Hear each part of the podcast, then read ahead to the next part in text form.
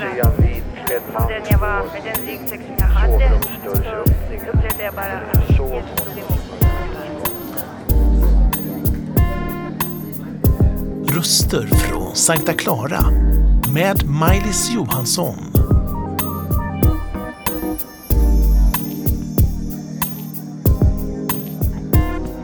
Välkommen till Sankta Clara kyrka. Vi sitter på orgelläktaren och har en fantastisk utsikt.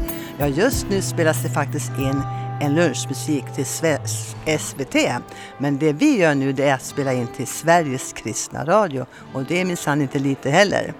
Idag ska jag intervjua Marie Svensson. Vem är du? Ja, men jag är en, eh, en, en pensionär snart, jag blir 65 snart och, och älskar Jesus. Marie är ju en tjej som har varit trogen här på Klara i 14 år. 16 år till och med. Och hennes främsta vapen är väl att tjäna i fängelserna.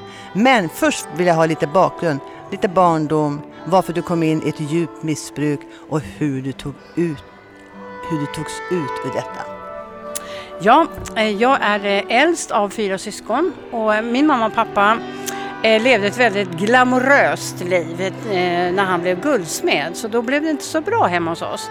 Utan då tog jag hand om mina bröder. Och till slut så blev det så betungande för mig för det var, blev ju fester och partyn och, och jag, jag, jag tyckte inte om det. Eh, så jag hittade faktiskt ett annat sätt att leva när jag var 13 år. Jag hittade kompisar som var narkomaner. Narkomaner, det må väl så vara en fruktansvärd farlig väg. Idag tycker jag nog att alkoholen börjar ta över i ungdomens värld, också bland medelålders och till och med gamla. Vad är varningen när det gäller att börja och inte börja när det gäller missbruk? Vad är frestelsen ska jag vilja fråga först. Det tror jag att den här gemenskapen, att man, att man vill släppa taget, att man vill parta. Nu är det ju så mycket nätdroger som är livsfarliga. Ja, nätfrestelse kan vi kalla det. Eh, jag har hört att missbruk finns på alla olika områden. Du föll alltså bara inom citationstecken för eh, narkotika och sprit. Men du hamnade också i en djup prostitution. Tala om kort, hur var det? Eh, jag var faktiskt 16 år första gången jag hamnade på Malmskillnadsgatan för att man skulle ju också finansiera sitt missbruk och då träffade jag ju de där tjejerna som gick där uppe så de visade mig hur man skulle göra. Marie, första gången då man vet att nu är jag fast i prostitutionen, hur mörkt blir det då? Eh, det blir så mörkt så man drar ju ner allt, man tar bort alla känslor och det enda man gör det är att eh, ta så mycket som möjligt och den dagen när man ska liksom vakna upp, det är det enda du gör, det är att jaga ännu mer för att den känslan av att vara eh, den här äckliga människan typ, eh, den, är, den är fruktansvärd. Man vill inte leva i det. Och nu när du besöker fängelserna, det är många som har varit i prostitution, säkerligen i det mest mörkaste mörker. Du som kommer från mörkret till ditt underbara ljus som vi kallar för Jesus. När du går in på fängelserna, du vet att han bor i dig, Guds ande. Du strålar av Jesus. Vad är det första du säger till en nyintagen kriminell kvinna när hon har hamnat i fängelse? Vad är det första du säger då? Ja, det första jag säger det är naturligtvis hej och, och eh, försöker få ett samtal men många är ju väldigt avstängda. De vågar ju inte prata med mig. Men sen när jag har gått därifrån så pratar ju de andra sinsemellan och sen nästa gång så kan jag få det här samtalet och då kan man börja prata om djupa saker. Jag har ju sett frukten av dina samtal med fängelsetjejerna. De är ju här också för att jobba och fått vara aktiva här på Klara. Är du ensam när du går in i fängelserna eller har du med dig volontärer? Jag är inte ensam, man ska aldrig gå in, fast jag har gått in ensam men man ska inte göra det. Men jag har två stycken andra som, som jobbar på en, en, en kristen verksamhet som heter Livskraft. Vi tre går in, så att vi är ju då ett team. Jag ser ju när du går iväg, du är alltid glad för du vet att du går rätt, liksom din kallelse. Du är gift också med en före detta missbrukare. Han heter Kent Svensson. Han har också jobbat här i Klara. Hur är det att vara före detta tillsammans och är gift med varandra? Jag vet ju inte ens i närheten vad det är att vara i det. Men vad, vad är styrkan att ha varit i ett missbruk, tagit sig ur det, blivit frälst? Vilken styrka är det i äktenskapet att ha det gemensamt om man säger så, från mörker till ljus? Ja, men vi, vi, vi har kämpat väldigt mycket under våra år. Vi har varit gifta i 26 år och lika länge drogfria. Men de första åren, alltså, då var det ju att vi hade ju varandra. Och sen så det här att våra familjer då när man talar om att man fått en tro, man tror på Jesus, man, man, man har, det är det som är så svårt. Men då hade vi varandra och det, det är det som är styrkan. Att vi två mot alla andra var det ju liksom. Du har ju också två flickor som du fick väldigt tidigt i livet. De flickorna fick du lämna, men de kom tillbaks. Hur var det? Oj, oj, oj, oj, oj. Den känslan kan jag fortfarande leva med och samtidigt som jag känner lycka så kan jag känna ångest för det jag har gjort. För jag eh, träffade dem inte på över 17 år. Så den där smärtan, den finns ju i mig. Men den kan jag också dela med mig av till andra. Men jag ser också Guds välsignelse. Först fick du barn, så fick du barnbarn och barnbarnsbarn endast 65 år. Det kan man väl kalla för god frukt i ditt liv? Det är god frukt. Jag hade en önskan för att eh, jag har fyra barnbarn, sen har min man två stycken barnbarn. Då har jag också bonusbarn, så vi har sex barnbarn. Och så brukar vi säga att vi har tre döttrar. Och sen så var min önskan, och jag talade till Herren, alltså nu är det väl dags att få ett, att jag vill bli gammelmormor.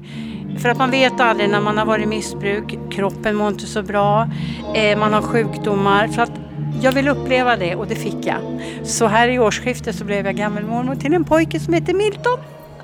Jag ser Marie, ni skulle bara se henne där i radion, hur underbar hon är. Söt, brunögd, gullig, mjuk, kvinnlig. Hon har allt tycker jag. Hur är det att vara en medlem i Sankta Klara kyrka? Det, är, det heter ju Klara röster det här. Om du skulle ge en röst för Klara och vår vision. Alla vet ju att vi säger ordet tilltufsad. Och vi brukar också säga bokstav måste man ha för att kunna klara av Klara. Jag brukar säga okej, okay, jag har inte ADHD men jag har DHA, den helige Ande. Håller du med om att vi har den tillsammans? Absolut. Och jag säger så här, i den här kyrkan, den här platsen när man hör musiken här också i bakgrunden. Alltså det är ju en plats där man får växa. Det är en plats där man får, får, får tro på Jesus. Det är en plats med gemenskap. Alltså jag säger det att, att den här platsen, alltså jag älskar att gå till mitt arbete och tänker nog aldrig sluta fast jag gått ner på alltid, så är det ändå en plats där det finns ljuvlighet. När du eh, kommer in i kyrkan, man ser ju dig för du har jobbat här många år och så.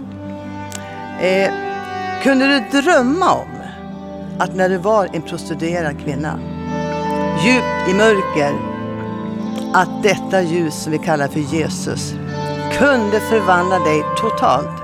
Finns det hopp för den som lyssnar nu och är i det mörkret? Berätta hur den ska finna svaret och hoppet. Ge en rak uppmuntran till den missbrukande tjejen, killen mannen, kvinnan, äldre som absolut inte tror att det finns ett hopp. När de till och med kanske är ute fem dagar i veckan som prostituerad. Men så plötsligt så kommer tonen. Är det inte Marie Svensson från Klara? Jag tycker jag känner igen hennes röst kanske de säger. Marie. Ja, jag kan säga så här. Jag är inte uppväxt. Jag visste ju ingenting om kyrka. Jag visste ingenting. Sen kan jag vara avundsjuk på de som har fått gått på söndagsskolan, för jag fick aldrig göra det. Men jag kan säga att, att jag trodde väl aldrig att jag skulle bli en kristen. Jag trodde väl aldrig att Jesus skulle hela mig. Men jag brukar säga till de här tjejerna på Färingsö, när de blir inlåsta på kvällen, när de är helt solo, då ska de lägga på säng, sig på sängen, knäppa sina händer om de kan och säga Jesus, om du finns, så hjälp mig. För när jag sa de orden, då fick jag hjälp. Ja, man blir lika gripen som alltid när man intervjuar på det här med klara Röst. Man vill bara gråta av förkrosselse. Jesus, säger du, är ditt hopp. Och det blev ditt hopp, verkligen. Och det håller också för din man Kent och du har fått sett frukten av ditt liv. Det är inte en dans på rosor, det kan jag tänka mig. Vad har varit din största kamp att vara kvar på vägen som vi kallar för Jesus? Vad har varit svårast? Ja, men det svåraste det är dels är det ekonomin. Man är ju skyldig så mycket pengar och tack och lov så fick ju jag ju skuldsanering och det är inte alla som får. Men alla dessa skulder det betynger ju för att man får ju inte behålla någonting av det man tjänar. Det, det är tufft, det är, är, är, alltså det, är, det är inte lätt. Men man gör det för att man vill göra det och man vill betala tillbaka typ till samhället. Eh, men jag var med om en väldigt, väldigt svår sak. Det var när Kent blev sjuk. Eh, han är ju levertransplanterad och när han låg där eh, nedkövd eh, och var helt borta, då, då var min kamp svår. Det var för fem år sedan. Men han reste sig därifrån. Så vi får ett par år till, tack gode Gud för det. Du får begära 30 år till. Vi får ju begära, står det faktiskt i Bibeln. Ja, det här var ju en eh, intervju som var... Du är den femte i den här serien som har varit missbrukare och fem som inte har varit det. Eh, jag vet och jag ser att det är ett ljus över er som har lämnat mörkret och kommit in i Guds underbara möjligheter. Läser du Bibeln varje dag och ber du varje dag?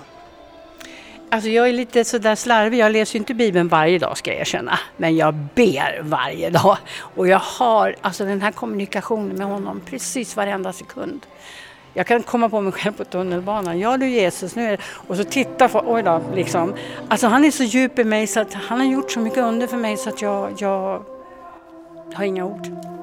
Då vill jag att du avslutar den här intervjun med en bön och tacksägelse till Jesus. Varsågod Marie.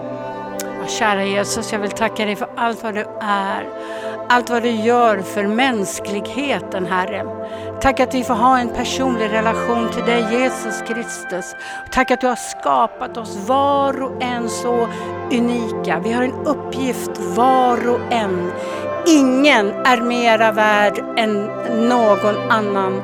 Kom det evigt ihåg att du som hör detta, du är värdefull. I Jesu namn. Amen. Guds frid säger också jag som har suttit här och njutit av den här berättelsen. Herren är god.